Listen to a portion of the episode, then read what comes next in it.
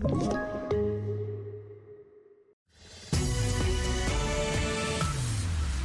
TV4-nyheterna börjar med att det är bara en liten andel av de som vaccinerats mot covid-19 som blir sjuka av viruset.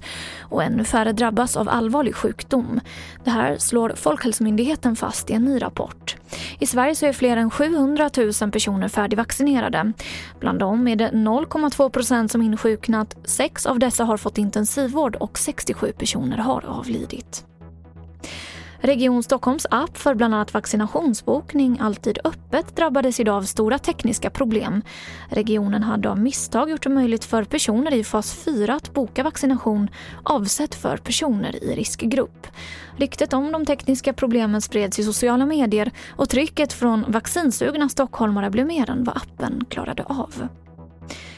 Och intresset för att bo utanför större städer har ökat, delvis på grund av pandemin som gjort det möjligt att arbeta hemifrån. Och nu inventeras tomma och öde hus på landsbygden i Norrbotten i hopp om att öka både utbudet av hus och inflyttningen. Skulle man få ett invånarantal att öka i en liten by som kanske har 50 invånare, säg att vi fick fem personer till till den byn, det är ju en enorm ökning. Det sa husinventeraren Maria-Lena Tallus Johansson. Och det var det senaste från TV4 Nyheterna. Jag heter Emily Olsson.